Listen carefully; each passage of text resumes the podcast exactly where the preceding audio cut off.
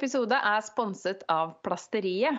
En superkul og miljøvennlig bedrift som lager produkter av resirkulert trønderplast. Ja, lokal gjenbruk altså. Mer bærekraftig kan det jo nesten ikke bli. Dere finner Plasteriet på plasteriet.no, så klikk inn der for å se på alle de fine, bærekraftige produktene, og handle og bli inspirert.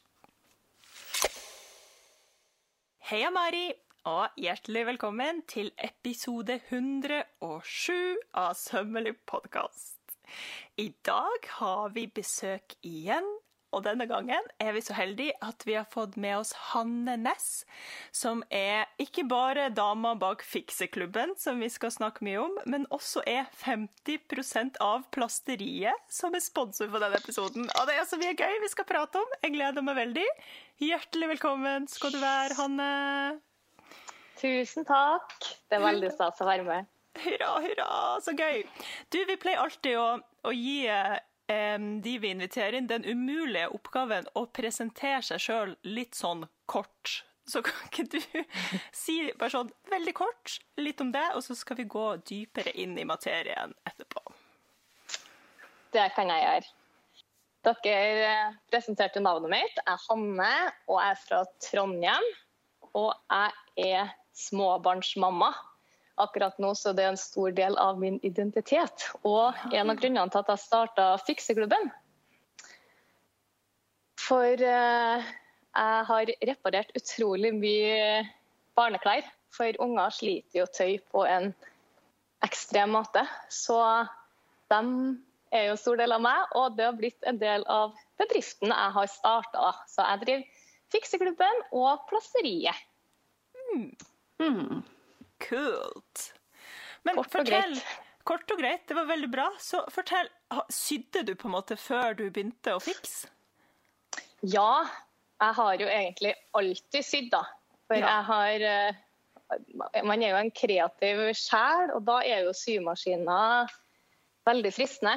Så den eh, Jeg brukte jo mamma sin når jeg var lita. Og ødela den. Så fikk jeg meg ny konfirmasjonsgave. Andre ønska seg penger, ønska meg symaskin. så da starta egentlig min sømkarriere med det. Da. Og så begynte jeg Jeg hadde jo veldig lyst til å lære meg å sy når jeg var sånn 15-16. Men tror dere det fantes mye sykurs da? Jeg gjorde ikke det, vet du. Så Nei. jeg meldte meg på et sånn kviltekurs i nærområdet. Så det var meg og så litt eldre damer da, som satt og lærte seg å kvilte. så gøy. Ja. Mm. Men så gikk jeg videre til folkehøyskole, og da gikk jeg jo tekstil og mote. Så da var jeg litt sånn en lærer som hadde bodd i Frankrike og var liksom veldig opptatt av eh, mote og motehistorie. Og så hadde vi ei som var sånn bunadssøm, da.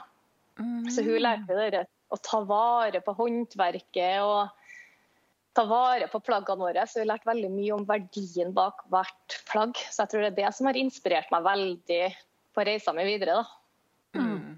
Veldig fin miks, da. Ja, det er en god miks der. Mm. Mm. Ja, det er veldig stas å få lov til å få det liksom, impulser fra flere kanter uh, så tidlig i løpet, på en måte. Mm. For da, da, får man jo noen sånne grunnverdier man kan ta med seg videre. Ja, takk til de lærerne på den folkehøyskolen, tenker jeg. Ja. ja. Det var der jeg lærte meg å skifte glidelås i dongeribuksa mi. For uh, man får jo beskjed når vi begynte på folkehøyskolen at man spiser mye god mat her. det skjedde jo, så den glidelåsen spratt jo av, og da måtte jeg lære meg å ordne den. Så da lærte jeg å venke meg det, da. mm. Kult.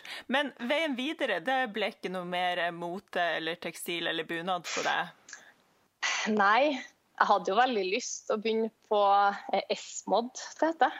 Mm. Ja, men jeg Altså, jeg skal ikke skylde på mamma og pappa, men de var veldig sånn Nei, nå må du gå en vei der du sikra jobb, og fikk litt den der, da. Ja. Og jeg følte jo at jeg var jo litt enig i dem. Og så jeg begynte på BE. Mm. Og det var jo òg Det er jo nyttig, det òg. Jeg har lært veldig mye og fikk en bachelor i markedskommunikasjon. Så det kommer jo veldig godt med når man ja. driver sin egen bedrift. Det er noe med det. Ja. Det, det, alle som driver egen bedrift, bør egentlig ha det i bånd på et vis. Fordi det er, det er mye som ikke faller naturlig. Og det er jo supert eh, når vi nå etter hvert skal begynne å snakke om fikseklubben. Eh, Det er jo sikkert litt av bakgrunnen for at du har klart å, å komme i gang med det og, og eh, vokse og få medlemmer osv. Når man da har den kunnskapen om hvordan nå ut. Det er det nok, ja. Og det var jo litt derfor eh, Det er jo en lang historie, men det var nå Jeg drev jo en nettbutikk til en gullsmed og var nett- og markedsansvarlig der. Mm. Så når jeg var i permisjon, så ble eh, den bedriften solgt. Da. Og da hadde jeg jo kommet veldig inn på den bærekraftige delen av livet mitt. At jeg kjente det var veldig mye som liksom av den utdannelsen min og jobbene jeg kunne få, det matcha ikke helt verdiene mine. Nei, ikke sant. Og da, da jeg på en måte begynte å legge ut litt på Instagram og finne ut hvordan jeg kunne bruke min kommunikasjonsutdannelse da, til å påvirke folk i litt andre veier enn bruk og kast. Mm.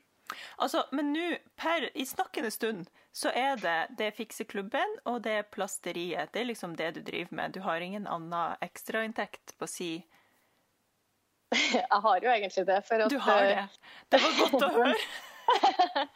Men det er sånn egen greie, det òg. Det, at Ok. Var egentlig det jeg skulle starte med. Jeg skulle hjelpe eh, håndverkere med kommunikasjon og litt eh, Ja, så jeg er litt sånn sosiale medier for noen håndver håndverkerfirma. Men eh, jeg hadde jo lyst til å bli snekker òg når jeg var lita. Og da, ja, så da kom jeg jo inn på, når jeg skulle starte for meg sjøl, at det var en spennende målgruppe. Så eh, jeg har jo det i tillegg, men det er jo absolutt ikke det som tar mesteparten av tida mi. Men det var det jeg starta med, og så kom korona, og så ble alt snudd på hodet. Ja, ja, ja. Men Alt dette henger jo sammen på et vis, for det handler jo om å skape noe, og det handler om håndverk og eh, ta vare på Og det er jo det er mange av de samme verdiene i alle de her eh, tre Ja. beina du står på. Ja, Ja. Mm. Ja, kult. Hvordan er det med mor og far? Er de fornøyd med Siden de var litt sånn Nå må du gjøre det ordentlig, Hanne. altså Deres store frykt var jo at jeg ikke skulle Eller at jeg bare skulle bli en sånn Bare følge drømmen min, da, og så var det Ja. ikke en jobb som venta på meg. Men de er jo veldig stolte nå. Jeg hadde jo med meg mamma i helga når jeg var i Namsos og arrangerte fiksekurs. Så var jo hun kjørte med meg og var med og var liksom en hjelpende hånd på det fiksekurset. Sånn at eh, ja, de sier veldig ofte at de er stolte, ja. Og kommer nå med ting som skulle ha blitt fiksa og ordna, og hjelper til der de kan. Mm. De, eh, men det er vel alle foreldre er jo redd for at ungene bare skal Ja, ja, ja. tulle bort tida si, selv om jeg syns ikke at det er det, da. Men eh, ja. ja, ja. Jeg fikk også beskjed om at det ikke var noe lurt å bli klesdesigner hvis det um, er noe For meg var det jo ingen andre muligheter, følte jeg. Men jeg, jeg har fått akkurat samme. Ja, jeg òg. Danser, danser var ikke helt populært hos to ingeniører, kan jeg fortelle dere. Men Nei. sånn er det jo. Ja, Men det har nok gått bra med alle, da. Det har jo det. Man må nå følge. Og så tror jeg at hvis du har en drøm om noe sånt, så ender du opp på det sporet uansett. Ja, jeg tror Ja. det. Det tror jeg òg. Ja. Så bra. Men eh, jeg er litt nysgjerrig på fikseklubben. Eh, fordi eh, jeg er jo selv ikke medlem, selv om det frister jo veldig. eh, fordi jeg syns det virker veldig bra. Men mitt inntrykk da, det er at det er over 200 videoer som viser reparasjon, redesign og søm. Litt sånn teknikker og sånt. Og at man kan være månedlig eller årlig medlem. Stemmer det? Det stemmer bra. Ja, og hvordan fungerer det liksom utover det? Ja, det er jo egentlig veldig sånn enkelt eh, lagt opp, da. Jeg har delt det opp i eh, forskjellige kategorier, sånn at man skal enkelt navigere seg inni der. For at det skal på en måte være verktøykasse for alle som har lyst til å lære seg å ta vare på klærne sine. For det er jo ikke bare fiksing lenger, det var det jeg starta med, men nå er det mer sånn verktøyene du trenger for å få en bærekraftig garderobe. For de mest miljøvennlige klærne de henger jo i klesskapet vårt, og de må vi ta vare på. Så det er på en måte et, eh, en modul som heter Fiksebiblioteket. Og den er igjen delt opp i liksom hvilken kategori klærne er. Om det er jeans, om det er ull, yttertøy, sko. Litt sånne alt mulig, så det skal være lett å finne fram inni der. da. Mm. Og så har vi tilpasning av klær. Der er det, Du kan sy klærne dine både inn og ut og gjøre dem kortere og lengre. Og ja, få dem til å bli litt mer eh, perfekt til sin egen kropp. Da. Mm. I tillegg så har vi redesign. Og det som er med redesign, det er jo litt sånn For å lykkes med det, så må du egentlig bare tenke litt annerledes. Du må tenke litt kreativt og lære deg litt sånn hvor kan jeg klippe, og hvor kan jeg ikke klippe. For hvis du klipper en feil sum, så kan det jo gå galt. Så det er litt sånn Inni der lærer vi bort mer hvordan du skal tenke enn akkurat sånn her gjør du det ene til det andre. For at plaggene er jo så forskjellige. Mm. Og så er det jo basic sytips. da, for Veldig mange som har lyst til å bli medlem, tror jo at man må kan å sy. Men jeg, dem jeg vil ha, jeg vil jo ha med alle, men dem jeg håper melder seg inn, er jo dem som ikke kan noen ting. Mm, for det er fiksing. Det trenger ikke å være utdanna innen sum for å holde med det. Jeg mener at alle skal ha muligheten til å fikse, for du trenger bare nål og tråd, så kommer du jo veldig langt. Mm. Men vi har også videoer som lærer hvordan du bruker en vanlig symaskin og lykkes med de enkleste sømmene. Da. Og når man først har lært seg det, så er det jo veldig mange som har lyst til å begynne å sy seg klær. Så da har vi jo litt oppskrifter på tøy som er sydd av gjenbrukstekstiler, da, og viser fram hvordan du lykkes med sånn helt basic oppskrifter. Det er sånn enkle plagg som er lett å gjøre om. Da. At man kan tenke litt kreativt sjøl. Mm. Så kult! Ja, og nå eh, snakka du om at det har liksom utvikla mer og mer til å bli en sånn ting der eh, der du prøver å forkynne litt det å ta vare på klærne. Har, dere, har du også begynt med sånn eh, ja, hvordan man best vasker ulike fiber og bla, bla, bla? Er det en sånn ressurs inne også? Nei, det er det ikke. da. Men vi har hatt mye sånn livesendinger om ja. Forskjellige ting. Og da har vi jo snakka litt om Vi hadde f.eks. en livesending med Lille Lam en gang. Og da var det jo mye hvordan du tar vare på ulla og ja, sånne at ja, generelt hvordan du tar vare på klærne. Men mm. uh, det er jo en, absolutt en ting som man burde lære mer om for at hvordan man vasker klærne. Og om man tørketromler det eller bruker tøymykner og sånne der ting, har jo så mye å si om hvordan de holder seg over tid. Mm. Mm. Gøy.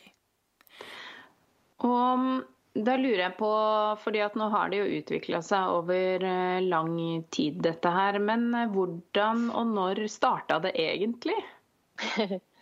ja, jeg hadde jo først en Instagram-profil som heter Bananas and Green. Jeg har jo den ennå, men der skulle jeg på en måte dele litt sånn hverdagstips da, for å få en grønnere familiehverdag. Og det ble jo fort at jeg delte mye om fiksing der, for det var jo det jeg syntes var absolutt artigst. Og på den tida så var ikke klesindustrien et så stort fokus. Akkurat nå så er det jo veldig stort fokus på klesindustrien. Mm. Men når jeg begynte å dele om det, så var det ikke på samme måten. Og jeg fikk tenkt sånn herlighet, vi må jo gjøre noe med dette her. Mm. Men å liksom vise fram hvordan man tok vare på barnetøyet, da, først og fremst. Med enkle lapper og ga litt tips til hvordan man skulle få fiksa det så det ble fint og holdbart. Da. Og det var ikke like mange som holdt på på Instagram heller, sånn at det var veldig mange som spurte, stilte meg spørsmål om hvordan de fiksa ting. Og jeg syns det var veldig artig å hjelpe folk. for det, Målet mitt er jo at flere skal fikse fremfor å kaste. sånn at jeg synes det var veldig stas å kunne hjelpe folk på Instagram. Men det vet jo sikkert dere òg, at det tar veldig lang tid når folk begynner å stille spørsmål om hvordan man gjør det i innboks. Mm. Og det har man jo dessverre ikke tida til. Så det var sånn fikseklubben ble. da. Jeg fant ut at det var et behov for å lære bort basic fiksing. Og ja. da brukte jeg en måned og bare laga basic videoer. Og så lanserte jeg, og så tenkte jeg OK, hvis jeg klarer å dekke utgiftene, da, så skal jeg fortsette med det. Så det klarte jeg når jeg på en måte åpna den. Og da Det var sommeren 2020. Så nå Mm. begynner det å bli to år siden det, da. Så det har jo skjedd ganske mye på den tida. Det er litt artig å se hvor amatør på en måte det så ut i starten. Og så bare blir det jo bedre og bedre altså designet på den kursportalen. Da. Så det Ja. Og nå har jeg jo fått med Senab òg på laget, sånn at uh, det blir jo litt andre type Eller vi videreutvikler det enda mer, da. Og kan ha mye mer eh, tips til en bærekraftig garderobe. Mm. Mm. Kult. Og da er det jo eh, For de som lurer på det, da er det jo Zenab som eh, var med i Symesterskapet. Og eh, hun, sånn jeg har forstått det, har i hvert fall starta litt med fokus på plantefarging, siden hun driver mye med det. Mm. Eh, men dere har jo sikkert litt morsomme planer fremover også, hvis det er lov å spørre om det er Ja. noe liksom rundt hjørnet som du har lyst til å fortelle om. Det kommer jo hun Første videoen hennes da, den kommer i juni, og da er det hvordan man broderer på sko. For å liksom, kan, du kan dekke over flekker, eller, bare gjøre dem litt mer unike. da. Så det kommer. Og så har vi tenkt at vi skal høre litt hva medlemmene har lyst på. For Senab sitter jo på veldig mye kunnskap som jeg ikke har. Og da er det litt hva savner dere, hva kan vi tilby dere? Og da skal vi ta det litt ut derifra, da. Gøy. For altså, fra, fra ei som driver en medlemsportal til ei anna, det er jo sjukt mye arbeid, det vet jo vi. Um, Ja. men, og du har gjort alt sjøl frem til nå, Hanne, så du har laga liksom alle videoene sjøl? Nei, vet du, jeg var jo I fjor så hadde jeg jo Karoline med på laget. Hun driver et klesmerke som heter Karoline N. Så hun syr jo ting eh, av vintage Saria. Oh. Så hun var med. Det hun som har laga modulen tilpasning, for hun har jo gått eh, skole på søm, da. Og så noen av klesoppskriftene er laga av hun. Men hun fikk seg en annen jobb som var kanskje litt mer stabil, kan du si. Så da tok hun en liten pause, da. Og så får vi nå se etter hvert om eh, ja, hva som skjer. Ja. Så jeg har hatt flinke folk med meg hele tida, for at jeg har jo absolutt ingen sømutdannelse. Og det er jeg veldig ærlig på. Sånn at eh, der jeg ikke klarer å lage bra nok innhold, der eh, skal jeg leie inn andre, da. ja. Mm. Kult. Gøy, gøy, gøy. Veldig bra. Mm. Men så hvis noen har eh, lyst, hvis noen hører på nå og blir litt sånn eh, meget eh, interessert i denne fikseklubben, hvordan blir man med i klubben? Kan ikke du fortelle rent sånn praktisk til folket? Ja, det er jo egentlig veldig enkelt. Det er bare å gå inn på fikseklubben.no, og så eh, kan man velge om man vil bli månedsabonnement. Og da er det en fast avgift hver måned. Eller så kan man bli årsabonnement. Ab abonnement. Ja. Og da eh, betaler man én sum i året, og så når det året er gått, så kan man velge om man har lyst til å bli medlem et eh, år til. Da. Og den som blir årsabonnement, de får en velkomstgave som er et sånn lite fiksehjerte fra Pryd brodering. For det er jo så søtt, og så er det litt artig å støtte eh, små gründere. Så det er ja, velkomstgave til den som velger å være med et år, da. Ja. Og det er jo ja, Egentlig så er den alltid åpen, Fiksklubben, men eh, om sommeren så bruker jeg alltid å stenge, for det er ganske mye sånn admin med å ta inn og ut nye medlemmer. Så ja, Mm. da stenger jeg inn rundt sommertider. Yes. Så nå er det liksom Nå må man eh, forte seg litt hvis man vil før sommeren eh, bli med? Ja, Ja. Det mm, må man. Og det er, jo det er jo alltid lurt å bare starte. for at jo tidligere du starter, jo bedre blir du med tida. Da. For at du lærer jo for hver måned som går. Så har man lyst, så teste ut en måned og se om det er noe for eh, deg. Og så ja, finner man ut om det passer eller ikke.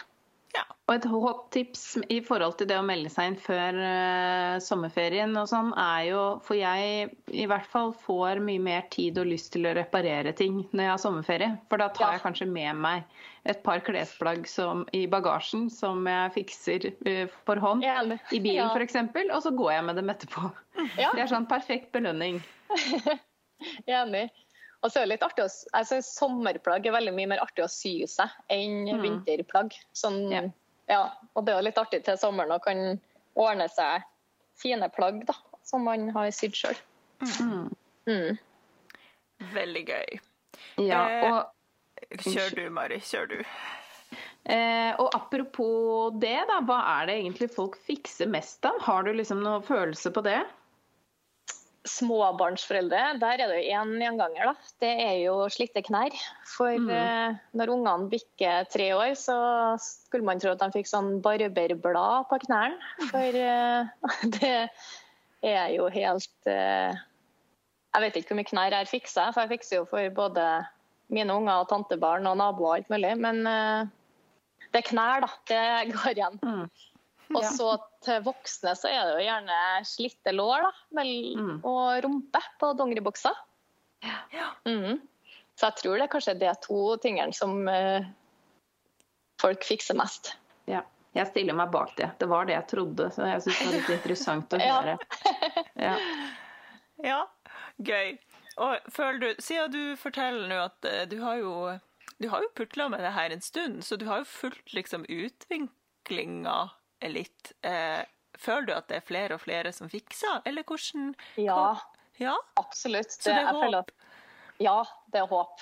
Og det er liksom eh, Altså, på Instagram så ser du jo kanskje bare dem som eh, driver litt med fiksing og er litt dreven på det. Men eh, sånn blant venner og sånn, så ser jeg jo plutselig at folk som aldri får tatt i nål, begynner å fikse òg. At jeg tror folk har skjønt litt alvoret i at vi må ta vare på klærne våre. Mm. Sånn at eh, det skjer ting. Og så er det litt artig, for hver fredag så har jeg jo fiksefredag på Instagram. Og Ja. da oppfordrer jeg jo folk til å eh, legge ut bilde av én ting de fikser. For hvis alle sammen bruker bare sånn fem minutter da, hver fredag, om du ser TV og syr sammen et hull, eller om du tar deg litt bedre tid og gjør det på symaskina, så utgjør jo det litt. Og gjør det hver fredag eller annenhver fredag. Så, og da er det veldig mange nybegynnere som tenker meg. Og da deler jeg det videre, og da føler jeg vi sprer det glade budskapet om fiksing. Og da ikke gjøre det altfor avansert, men at liksom alle sammen kan fikse. Og det blir bra nok. Det er uansett bedre enn hvordan det var før. Mm. Ja. Fikse fredag, det må jeg huske på. Fikse fredag må jeg hive meg med på. Ja. Sånn at eh, Ja, ja, ja. ja. Gøy. ja, helt enig. Jeg får også lyst til å begynne med fiksefredag. ja, men det må dere gjøre. ja. Altså, det er litt godt å se, for hvis du har én fast dag i uka der du bestemmer deg for å fikse én ting da, i den evigvoksende fiksebunken, så ser du jo at den krymper etter hvert. For noen ganger så blir du jo litt mer ivrig og får unna mye. Hvis det er masse som trenger en lapp, så tar du fram strykerne og får på lapper på alt sammen. Og så kan du sette deg neste fredag og sy igjen de hullene, da. Ikke sant? Smart. Veldig smart. Og her, nå skal jeg spørre deg Det her er um, et litt uh, Det her er sånn uh, Mari og meg-spørsmål, holdt jeg på å si. Fordi jeg er en person som fikser ting. OK, du, du må ha litt mer uh, bakgrunnsinformasjon. Mari og jeg vi har sånn tradisjon da, at vi liksom pakker vekk de på en måte klærne som er sesongbasert, da, som kun brukes på vinteren eller kun brukes på sommeren. Når det er sånn sesongovergang. Og der er vi veldig forskjellige. For jeg har sånn at jeg liker å fikse alt før jeg pakker det bort. Sånn at når jeg skal ta det frem til sommeren nå, eksempel, så er det ferdig fiksa. Mens Mari er sånn som, som liker å bare pakke det bort. Og så når hun tar det frem, så gir hun det liksom kjærlighet og fikser det før hun Ja. bruker det. Hvem er du, Hanne? Hvem er du? Der er jeg du lik, Tanja. ja, skjønner jeg. Og jeg bruker jo ofte å arrangere litt sånn fikse-challenge for når det er sesongskifter. Sånn at folk skal fikse før de legger det ned. For da er det, jeg syns i hvert fall at det er litt mer stas da, å ta fram ulla igjen når den er ferdig fiksa. Men uh, Ikke sant? Ja, det er, jeg syns det er veldig motiverende da, å ta alt det i et jafs. Jeg føler at jeg må fortelle hvorfor jeg gjør det på den måten. Ja, fortell, Mari. For jeg var jo også sånn som dere. Helt frem til eh, at jeg fikk eh, et eh, ublidt møte med nye gjester. Som, og de gjestene, de, har, de er ikke gjester lenger. Nå bor de her sammen med oss. Og det er jo denne Majorstubilla, eller eh, brun pelsbille som elsker hull i ull. Elsker å lage hull i ull. Oi. Eh, sånn at eh, det er grunnen. Så jeg, jeg har den lille seremonien jeg pakker ting ned, at det skal være litt hyggelig og eh, rengjør klærne og gjør dem liksom sånn helt klare. Men jeg har da opplevd jeg har tatt noe opp, og så har det vært helt sånn gjennomhulla etter Ja. lagring. Og Men- da eh, Derfor så har jeg eh, bestemt at det heller skal være en sånn å ja, du har klart deg, så bra. Da skal jeg bare reparere dette hullet. Fordi, Men- for jeg er jo helt enig i deres eh, måte å gjøre det på, egentlig. Jeg bare Men du må jo jo- en dobbelt uansett. på en Ja, måte. det, ja, det Ja. gidder jeg ikke. Det kan hende jeg har et tips deg. For Ja. er det der det samme som møll? Nei. Ah, nei, for jeg, vi har hatt møll. Ja. Og så lager jeg lavendelposer, tørka lavendel, og la blant alle ullklærne våre. Og etter det så har ikke vi hatt det. Men alle kan notere seg det tipset, Ja. da. Fordi jeg Ja. elsker lavendel. Vi har lavendel i, overalt på soverommet, i alle skuffer. Også sånne sedertrekuler er jo også sånn som møll ikke liker. Ja, så, så det har vi overalt. Men denne billa, den reagerer ikke på noe av dette. Nei, Eller? det er Nei. hyppig eh, støvsuging eh, er det eneste som, eh, som tar den. Og kanskje nedfrysing, men det er ikke sikkert. Nei. Ja. Så Hvis det er mye støvsuging som skal til, så håper ikke jeg at jeg får den i hus. Nei, det var det jeg også tenkte. vi fikk oss eh, faktisk fast eh, vasking en gang i uka som vi betaler for, fordi jeg bare Jeg ble helt sånn Da det var hull i bunaden min et år, da ble jeg helt hysterisk. Ja. Eh, så da fikk vi oss det. ja. Så det, det er en investering som vi bare eh, har. ja. Men Ja. hvordan fiksa du bunaden din, da? Nei, jeg er jo heldigvis ganske flink med nåletråd, så Ja. den eh, Det var jo trønderbunaden. Ja. Mm, Ja. eh, Var det vesten da- eller stakken som fikk kjørt seg? Det var stakken. Så, og den er jo ensfarga, men jeg har, Ja. da har jeg på en måte bare vevd inn sytråd i eh, Ja. så lik rødfarge som mulig, da. Mm. Det der har jo vært min store skrekk etter mm. folkehøyskolen. For at uh, hun bunadsømlæreren, da, Mm. hun fortalte jo om folk som kom til hun 16. mai med Ja. hull eh, som var møllspiste bunader. Da. Og det, hun Ja. sånn, det går aldri an å fikse. Nei. nei. Så ja, når vi fikk mølla, så var jo det Herlighet, bunaden min! Den Ja. var mm. Ja, Ja. Men man blir jo veldig nøye på oppbevaring, for det er jo også ja, idé til modul. Oppbevaring er jo også en form for vedlikehold. Ja, ja. Mm. Mm. Ja. Og et tips eh, er jo f.eks. sånn som mot disse her bildene, da. Det er, det er flere enn bare den der eh, som kalles Majorstua-bildet. Det, er, eh, det er mange typer som kommer i samme kategori, men det er den som er mest hissig på, på tekstiler, da.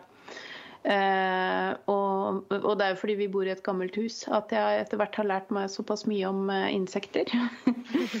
Eh, men, eh, men det tipset er jo én ting er å fryse ned i eh, i så og så mange døgn, jeg tror det er 72 timer eller noe sånt minst, eh, på så og så kaldt. Men også å støvsuge klærne idet man pakker dem ned. fordi hvis det da er noen sånne ting man ikke ser, så kan støvsugeren på en måte fange det opp, da.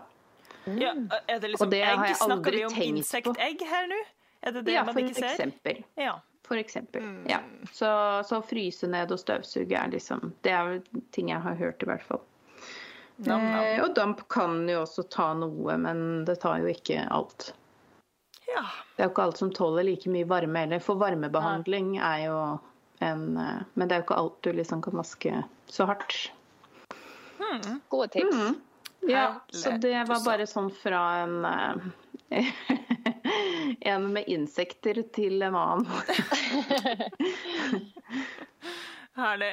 Og det er veldig vanlig, selv om ikke alle har møtt på det. De som, eh, de som har møtt på dette, de vet. Og jeg trodde lenge at det var vaskemaskina som lagde de små hullene. Ja. Eller, for det er sånne bitte små hull som du på en måte ikke Du legger nesten ikke merke til det. Men hvis du først begynner å legge merke til det og irritere deg over det Hvis du i tillegg da finner en sånn bitte liten bille som bare er sånn typ 1 millimeter, liksom.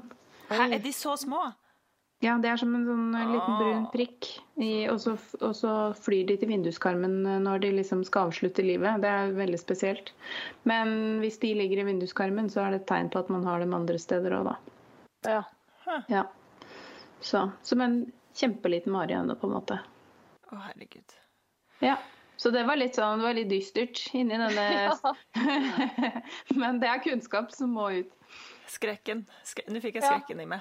Men alt kan, alt kan heldigvis fikses. Det er jo det som er fint. Det er jo det. Ja. Det er det som er bra. Og da kan man brodere nydelige ting oppå de bitte små hullene. Ikke sant? Ikke Det er alltid et triks. Ja, for Hanne, dere eh, Jeg har jo sett eh, både synlig og usynlig reparasjon, så du prøver liksom å inspirere i begge retninger og gi folket litt ulike inspirasjoner på, re- på Ja. fiksing. Mm, Mm, gøy. det er sant. Det, ja, for det er jo litt artig noen gang. Jeg syns noen gang at fiksing kan oppgradere plagget. Hvis du gjør det fint, da. Sånn som den Mm. jeansjakka di, f.eks. Ja, Den ja. jo helt nydelig. Og det, Den har fått et helt nytt liv, det er sant. ja, og da blir det jo oppgradert. Men eh, enkelte plagg, som hvis du har kjøpt en ny kjole da, som har fått et hull, så vil du gjerne ikke gjøre det så synlig alltid. Da vil man gjøre det usynlig, så man kan fortsette å bruke det til sånn det skal være. da. Ikke sant? Så det ja, litt forskjellig bruk på synlig og usynlig. Og så må man bare hylle hvordan det blir, uansett. For Ja, uansett. Men du som person, hva trekkes du mer mot? Synlig eller usynlig? Ja, si det. Eh, nei, altså, jeg fikser jo alt mitt altså, veldig synlig, men det kan jo være godt trolig. Det er fordi at jeg skal ha noe å legge ut på Instagram òg. men eh, nei, jeg fikser det meste hjemme her, da, utenom til samboeren min. Han vil ha det usynlig, men Ja. som jeg og ungene vi vil jo gjerne ha det synlig. da. Men til meg så prøver jeg å gjøre det synlig og pent. Til ungene blir det sånn synlig og morsomt. Så det er litt forskjellig Mm, ja, hvordan man vil ha det. Mm. gøy. Vi kjører litt samme greie hjemme hos oss. Det er ikke Ja. Det er noe med kommer sikkert litt an på hva, hva folk jobber med også. Hva de har, hvor mye Ja. de har lyst til å reklamere for eh, reparasjon. Men, men motivasjonen bak å gå med en synlig eh, reparasjon, det er jo noe med å sende det signalet ut. At uh, dette her er en bra ting, liksom. Ja, og det syns jeg er så fint. Liksom, sånn som mitt barn når ungene går med på barnehage og skole og vil gå med. Mm. De tar jo på seg disse lapper og klærne med stolthet. Da Mm. tenker jeg åh, nå håper jeg du er et forbilde for andre Ja. da, som òg får et hull og sier at de vil ha en sånn lapp. Mm. Og det er mye lapper utover i barnehagene nå, altså. Så det syns jeg er veldig bra. Ja, Kult. enig.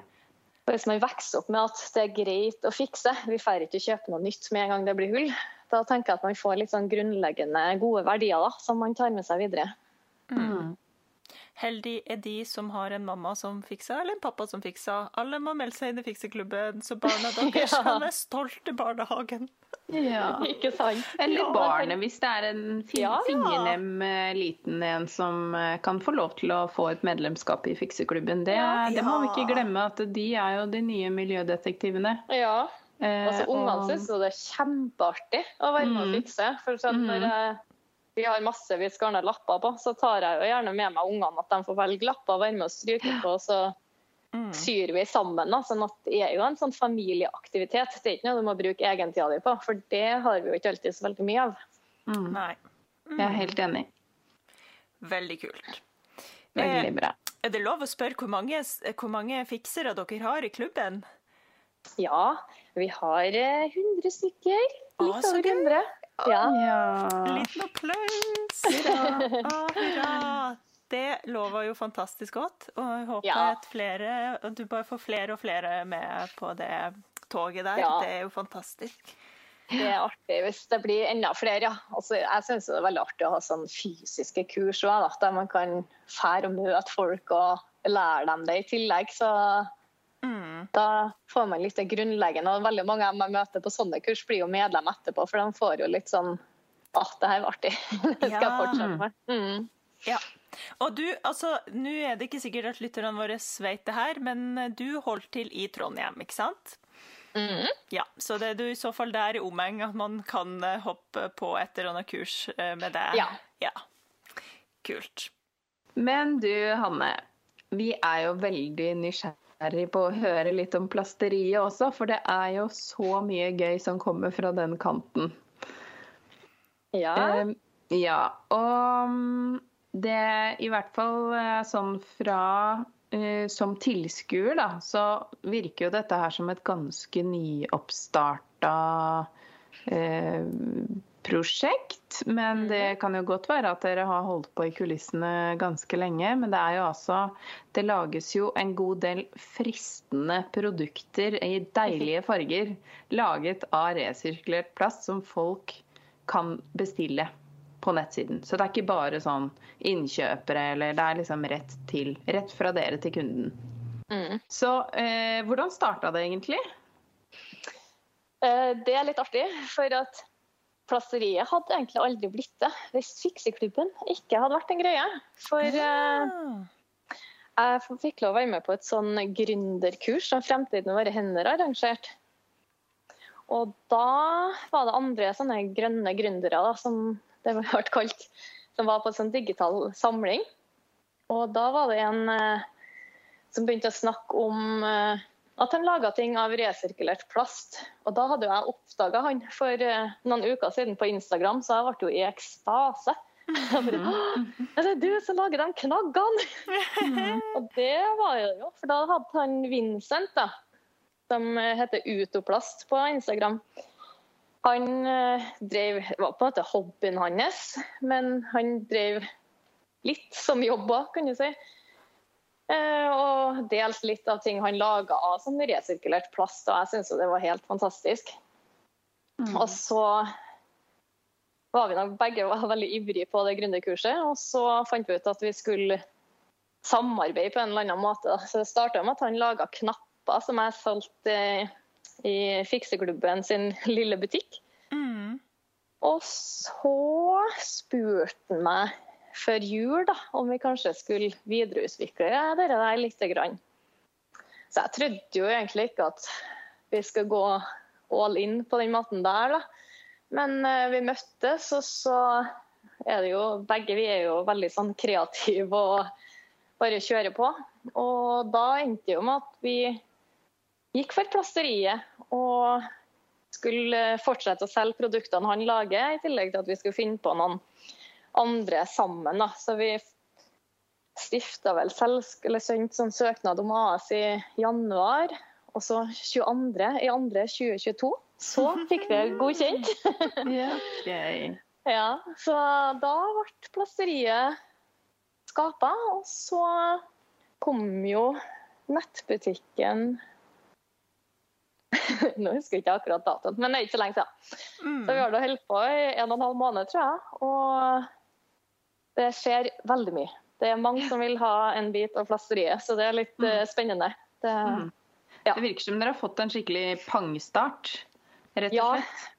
vi, altså, det er jo rette tida å lansere en sånn bedrift på. Mm. Med tanke på fokuset på plastforsøpling og sirkulærøkonomi. Dette er jo på en måte sirkulærøkonomi i praksis, da. For vi Mm. bruker jo kun ting som er produsert. Og bruker i tillegg lokal plast, da, sånn at vi ikke importerer plasten fra eh, andre byer eller andre land. Vi tar det vi får fra trønderske bedrifter og husholdninger. Så det er liksom Vi bugner jo i råvarer. Mm. Ja, dere gjør det. Og så kan du fortelle hvor, Ja. hva, hvor For eksempel, hvem gir dere plast? Hvem gir dere plast? ja. eh, Vincent han jobba til Nidar før, sånn Ja. at vi får på en måte sånn defekte eh, plastting av dem. Og sånn korke og litt sånne store ting. da. Mm. Så Der får vi veldig mye av disse basic-fargene. Mm. Og så får vi av Vi samler jo en del sjøl, og andre bedrifter da, som kanskje har en del liggende. Men det er jo veldig viktig at plasten er helt ren og uten etikett. Og så er det bare to plasttyper vi bruker. Ja, for det har har jeg skjønt etter jeg begynte å følge dere, at plast er ikke bare plast. Nei. det, altså plast det er en spennende greie. Jeg var jo sånn at plast er plast, men det er det jo absolutt ikke. Nei. Og så er jo plasten som vi bruker i hjemmet vårt, det er jo trygg plast. da. For at de har jo gått gjennom veldig mye strenge kontroller for at det kan brukes til mat og andre husholdningsartikler. Sånn at Mm. det er ikke den skumleste plassen man bruker. Mm. Så derfor vi er litt kresen på hvilken type plast vi bruker. Og så er det at den er nødt til å være holdbar. Da. Det er ikke sånn Noen plast er mjuk, og noen tåler det ene og det andre. Så Mm. Vincent er jo utdanna ingeniør og har jobba med plastgjenvinning og sånn, så Ja, så Ja, han har han mye. kompetansen her, ikke sant? absolutt. Ja. Så spennende. Men Mhm. OK, for de som ikke har sett disse her fantastisk artige produktene dere produserer, så må jeg bare male et bilde her. Fordi det er som du sier, at dere har noe sånn eh, Noen steder fra får dere litt sånn basefarger, og så kommer det litt sånne festlige andre farger inn. Så, og, Mhm. og til slutt så blir jo det her fantastiske sånne fargespill i alle disse produktene, som er Ja. så gøy. Man får jo på en måte ikke det i, i noe annet materiale, føler jeg. Nei, Det blir litt sånn marmorering. Da, at, eh, også plasten flyter jo forskjellig hver gang. Så det er ingen produkt som er helt likens. Ja, Mm. Man får veldig forskjellig spill. Ja. sånn, knappene de selger jo du på sømrom, og det er Ja. veldig stas. Vår første forhandler. Ja! ja, og Og de de er jo så nydelige. Og som du sier, det blir jo helt unik, så liksom Ja. det blir jo et helt unikt uttrykk på hvert, hvert plagg man putter en sånn knapp på, eller flere. Ja. Mm. Og så Knappene ser du veldig det at de blir litt unike, for at noen har liksom halve har én farge og halve har en annen. enn at For de er så små, sånn at Ja. det blir Du ser veldig det at det er spesielle ting, da. Mm. Veldig kult. Så noen ganger er det sånn at liksom noen farger eh, fins bare akkurat nå, og så kommer det aldri til å skje igjen, for dere fikk en eller annen leke Ja. som, som gikk i kverna der. Det er jo ikke all plassen som er like lett å få i. Sånn som når Vincent laga knapper til min lille butikk, Ja. så ville jo jeg ha hvit med gull i. Mm. Og det gullplast, det er jo bare på sjampo og sånne her ting. Så det er liksom, vi, vi bugner ikke i det, da. Nei, ikke Så de er jo veldig, Der har vi igjen bare noen få knapper av det, og så holder vi på å samle noe, sånn at vi kan liksom vise fram de fine knappene igjen. Ja. For det er litt Er det- sånn Ja. Er det ikke en sennep som har en gull, eh, et gullokk? Eh, Den der, helt som fins i ketsjup også. Jeg mener at den er helt vanlig uten. Det kan du tenke på neste gang du skal ha sennep, kanskje der. ja det er bare, vi spiser ikke så mye sennep i Nei, ja, sånn at jeg skal høre med noen andre. Men det Er det noen tips. sennepsspisere i Trøndelag som har den gullkorken? Gi beskjed. Helledusan. Ja, ikke sant? Ja, og kanskje det til og med blir litt sånn sesongbasert. Nå vet jeg ikke hva Ja. det skulle vært, men hvis det er sånn jule, typisk juleprodukter eller et eller annet, så har dere Ja. masse rødt. Og så Vi holder jo på å spare opp brunt, da, for til høsten skal vi komme med brune knapper. For Ja. eh, eneste brune plassen jeg har funnet nå, det er på Rema sitt peanøttsmør. Så jeg spiser veldig mye peanøttsmør. Så Så gøy! Det, Det er noen sånne småkaker eller et eller annet som kommer i en sånn brun boks som ser ut som en isboks. Oh, det er Som jeg har sett. Eller om det er kokosboller, eller jeg bare har en sånn brun boks som ser ut som en isboks inni hodet. Ja. Jeg tror det er noen som har noe sånn der typ sånn havleflaren eller noe sånn i Ja, den er Er det, sjangeren, det, liksom. de, det er sånn som kidsa selv eh, når Ja, de skal ja. få råd til tur? Ja. Ja, ja. Ja. Det er sant. Ah. Ja, da skal vi støtte opp idrettslag og leirskoler. Ja. Og, så, og det her er jo en liten sånn Hvis det er eh, lyttere som, eh, som bor i området og som vil bidra med plass, så er det kanskje også noe de kan ta kontakt med hvis det er spesielle farger eller Ja, ja. Også, men det helst, det, det er litt vanskelig akkurat det, for at plasten må være helt ren og uten etikett. Ja, For at hvis ikke så blir det så mye jobb på en Vincent og så skrape av etiketter. Men Ja. hvis folk får til det, så er jo det helt supert. Og så går det òg an å bruke Hvis du har én kilo plast da, i en farge du syns er veldig fin, så kan man få komme innom og så bestemme hvilke produkter man vil ha av akkurat den plassen. Så skreddersyr vi på en måte en løsning for din egen plass. Da. Og det er jo litt sånn fint at man kan se litt sånn livssyklusen til plasten sin. Ja. Det er veldig gøy. Herregud, så Ja. artig. Så artig. Ja. Får lyst til å bare begynne å samle plast igjen og, og ta Og dra til Trøndelag. Dra Ja. til Trøndelag med tog og en stor søppelsekk. Du er hjertelig velkommen. ja, Kult. takk. Kan, Mm. kan jeg også Veldig bare spørre Altså, um, dere viser jo litt på Insta, men jeg blir så nysgjerrig. Så Den her plasten, den må kvernes, Mhm. og så smeltes den? Eller altså, er det høye temperaturer involvert her, Ja. regner jeg med? Ja. Så Altså Først er det jo en prosess Nei, unnskyld. Vil du si noe mer? Nei da, kjør. Nei. Forklar. Først er jo den prosessen at det vaskes og skrapes etikett. Det er jo kanskje den kjedeligste jobben. Ja. Og så er det at det kvernes gjennom Vi legger opp i én og én ting. Men hvis det er store ting, så må det i tillegg sages i stykker, sånn at det går oppi den lille kverna. da. Sånn at det blir til plastgranulat. Og da har jo Vincent ordna masse sånn blandingsforhold. Sånn som når jeg ville ha lilla. Lilla plast finnes nesten ikke, da. Og jeg sa vi skal ha lilla i potta. Så ble jo han helt på tuppene. Men eh, det gikk jo bra, for at han fant ut at eh, rød og blå og hvit, det blir lilla. Så han har liksom funnet det perfekte blandingsforholdet, sånn at vi får Når det går nedi støpemaskina, Mm. så smelter det sammen, og så blir de fargene lilla. Så da smeltes det, og så presser en det ut nedi sånn støpeform. Og så, når den kommer ut derfra, så må det finpusses. Så da brennes det og skrapes av sånne sår, da. Ja. Og noen produkter har ikke plasten på en måte gått gjennom alt, sånn at det er hulrom. Og da kan det ikke brukes. Men Ja. siden det er plast, så kan vi jo bare kverne på nytt og bruke det om igjen, da. Så det er ikke at det, det blir ikke noe svinn av det, men eh, vi bruker bare på nytt. Så det er en veldig lang prosess fra plastavfall til et ferdig produkt. Men eh, ja, det er en spennende prosess, da. Mm. Veldig gøy. Veldig gøy. Og Ja. det siste så, som var sånn en, dere hadde fått en ny støpeform, det var den der enorme hårklypa. Ja, Hva, har, den, jeg ble helt sånn. Herregud, hvordan skal jeg bruke det her? Fordi jeg Ja, fikk det jo akutt jeg på, lyst på den. Jeg fikk jo akutt lyst på den. Men så tenker jeg, hvordan brukes den? Jeg har googla og googla. Har du visst det noe sted, Hanne? Har du visst Nei, jeg har- Den bedriften lagde en video i Story, Ja. fordi jeg har vært inne og sett på den videoen. Å oh, ja! Oh, herregud, dette må jeg se. Mm. ja, ja, for det her ble jo laga i samarbeid med en sånn ungdomsbedrift. Ja.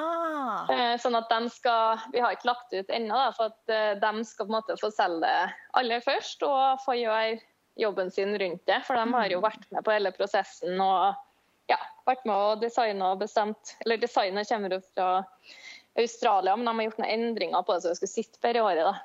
Og så.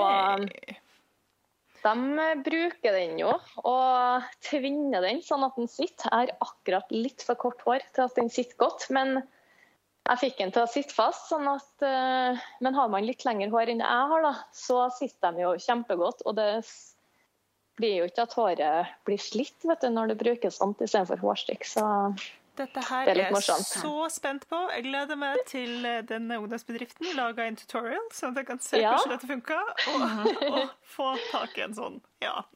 Det er jo litt sånn som de der gaflene man brukte i håret, i, i hvert fall i min barndom. Vet du, Ja. Noen husker det, man liksom tvinna den rundt, og så stakk man den ned. Og det er litt Ja. samme greia med denne gigantiske hårklypa. Eller det er akkurat samme greia. Ja. Mm. Mm. Så hvis man er dreven på det, så ja, Gøy. blir det bra. Jeg gleder Ja. meg. Veldig gøy. Gleder meg. Men ja, dere, du sa det jo eh, så fint, og, og eh, nå lærte jeg også at det var det første produktet. Disse knappene. Apropos eh, de som hører på, syr jo mest sannsynlig, kanskje. Og da Ja. er jo det en veldig gøy innspo. Dere er nødt til å sjekke ut de knappene. De er så søte og fine. Mm. Yes. Takk. Kult, kult, kult. Og vi kan jo eh, Altså, jeg regner med at folk kommer til å hoppe rett inn og kikke på disse produktene, fordi det er jo sånn godteri for øynene. Jeg bare ja. sitter og Jeg er jo litt sånn uh, som ikke Jeg prøver ikke å kjøpe så mye, men jeg har vært innom mange ganger og scrolla og scrolla. Jeg blir så glad i fargene. Ja, altså det her er jo noe man på en måte kan kjøpe med god samvittighet, da. For at ja. Ja. utslippene kan jo ikke sammenlignes når det er Altså for hver kilo plast du gjenbruker, da, istedenfor å produsere ny plast og lage ting, så sparer man to kilo råolje. Så det er derfor liksom, vi må ja. gjenbruke plasten. Vi kan ikke lage ny plast. Så man kan eh, fornye hjemmet eller plaggene sine med knapper med god miljøsamvittighet. Ja. Og så vil jeg også bare eh, liksom illustrere en eh, liten sak her. Fordi det er jo sånn at I en del settinger så kommer man jo ikke utenom at man trenger en gave til folk mm. en gang iblant. Mm. Jeg er jo litt sånn uh, Jeg er litt muggen i gavesammenheng, fordi jeg egentlig syns jeg at det er for mye. Jeg jo, syns jo sånn Tid sammen er den beste gaven, osv. Der er jeg veldig mm. sånn sær. Men hvis man da eh, kjøper f.eks. denne nydelige trepakken med sånne potter da, som finnes mm. der, Kanskje man til og med kan så et frø ja. oppi en sånn potte. Og så kan man da servere den lille historien om bakgrunnen til den potta. Så tenker jeg sånn Hvis du først skal gi bort en fysisk gave, det blir, eh, det blir nesten ikke mer da er, du, da er du ganske på nullutslipp, eh, ja. nesten. Ja, selvfølgelig, den må sendes i posten osv., men, ja. eh, men den der Ja tanken liksom om å, om å, sende et signal om å roe ned, og, og den ja. samtidig man kan sette på agendaen at folk begynner å reflektere litt mer over gjenbruk. Da. Mm. Fordi pottene er såpass kule at man også kan gi det til en eller annen uh, veldig sånn uh, trendbevisst person som kanskje ikke er like interessert i, i alt det ja, og nå har vi jo prata om alle de fargene, men dere har jo sånn der en ja. nedtona greier òg, bare svart ja, og hvitt og hva mm. som helst. Mm. Altså alt mulig. Ja. Og det er jo veldig mye farger nå, men vi tenker kanskje til høsten at vi har litt mer nøytrale ting i tillegg, for da blir det mørkt. Og så vil man ha litt andre ting som er litt mer sånn mørke toner kanskje enn alt det lyse vi har. Så mm. ja. Men det er litt artig akkurat det du sa, Marie, for at eh, det var sånn jeg Jeg var jo først kunde til en eh, Vincent òg. Og da hamstrer jeg jo sånne potter. Ja. For jeg elsker å gi avleggere ja, i bursdagsgave. Det er akkurat det. ja. Og det var liksom Det gitt jeg til så mange i jeg var handla i november, tror jeg. Mm. Så jeg tror jeg var en av hans beste kunder før vi ble samarbeidspartnere. Ja. Det er den beste måten å inngå et samarbeid Ja, det tenker jeg. Veldig kult. Ja.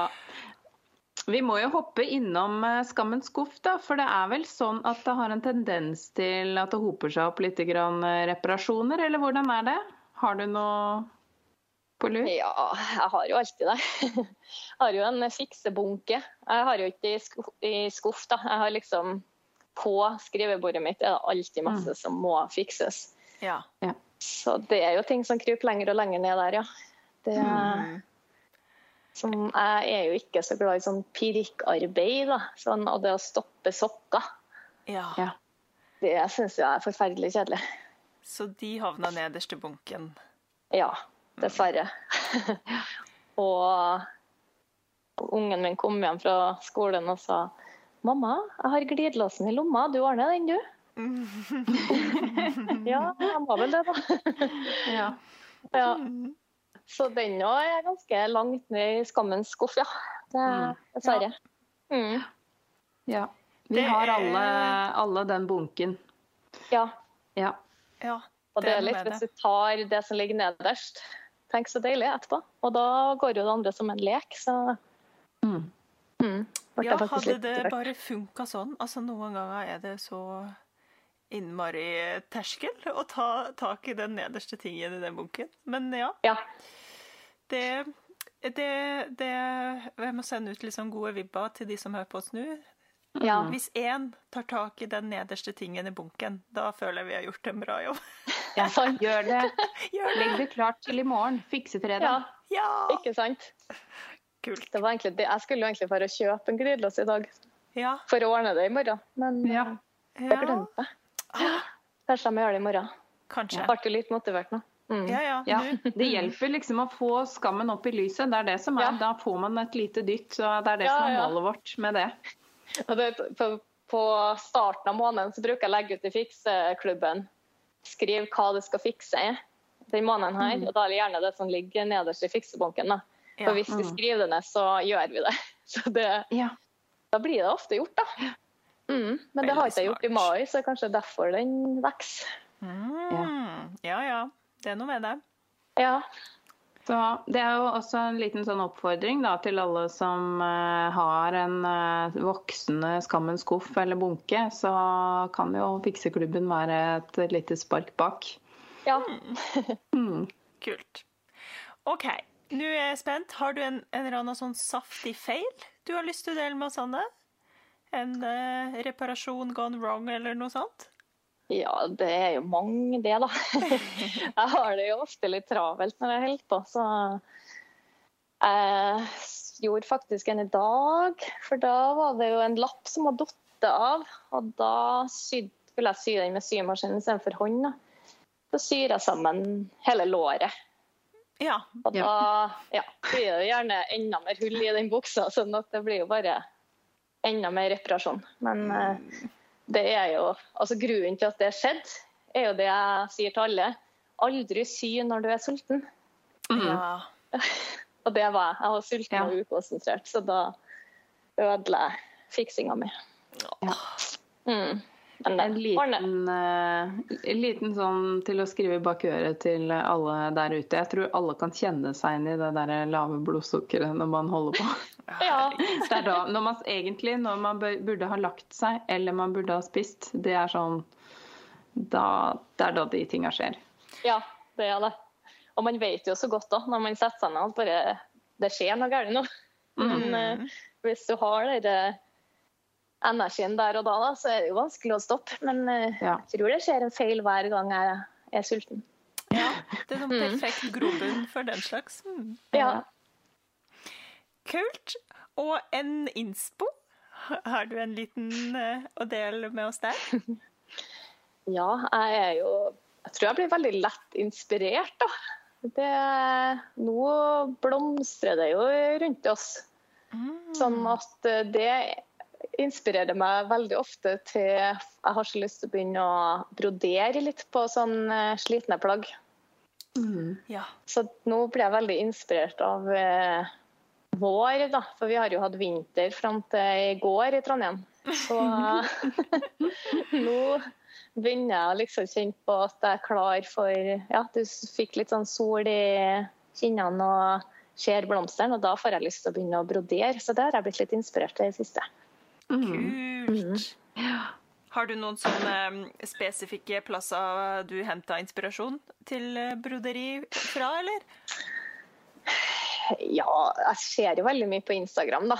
Ja. og søker på embroidery visible mending, sånne der ting. Så Instagram er jo en kjempestor eh, inspirasjonskilde. Men eh, jeg tror egentlig sånn jeg blir Først blir jeg alltid inspirert når jeg er litt i min egen verden og gjerne ut og har litt sånn tid for meg sjøl.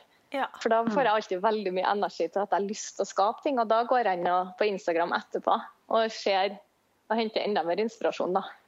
Mm. Og da blir jeg jo sånn Dere to blir jeg jo også inspirert av. Det Mm. er jo mange flinke norske syersker som er på Instagram, og det er jo veldig stas å følge med på. Gøy. Mhm. Takk, det samme. Ja, takk det samme. Jeg syns det var veldig fin innspo det der å ta litt tid for seg sjøl, for det er jo da man Ja. først får plass og rom i hodet til å bli inspirert, Ja. liksom. Ja. Mm. Mm. Kloke ord. Ja. Og det passer jo også veldig godt inn i hele greia, liksom. Roe ned, ta vare på det man har. Ja. Se litt på naturen. ja. ja. Og det er et sånn siste sånn selging, fiksing her, da. At det er veldig mange som sier at men man har ikke tid til å fikse. Mm. Men hvis man ikke drar å shoppe, Mm. Det er utrolig hvor mye tid man sparer på det. da. Det, jeg drar ikke å shoppe, og da kan jeg bruke den tida på fiksing. Ja, så det er jo liksom ja, en ting jeg bruker å si til folk, at vi bruker tida litt annerledes, så får vi tida. Mm. Mm. Yes. Helt sant. Helt nydelig. Nydelige, kloke ord på tampen her. ja.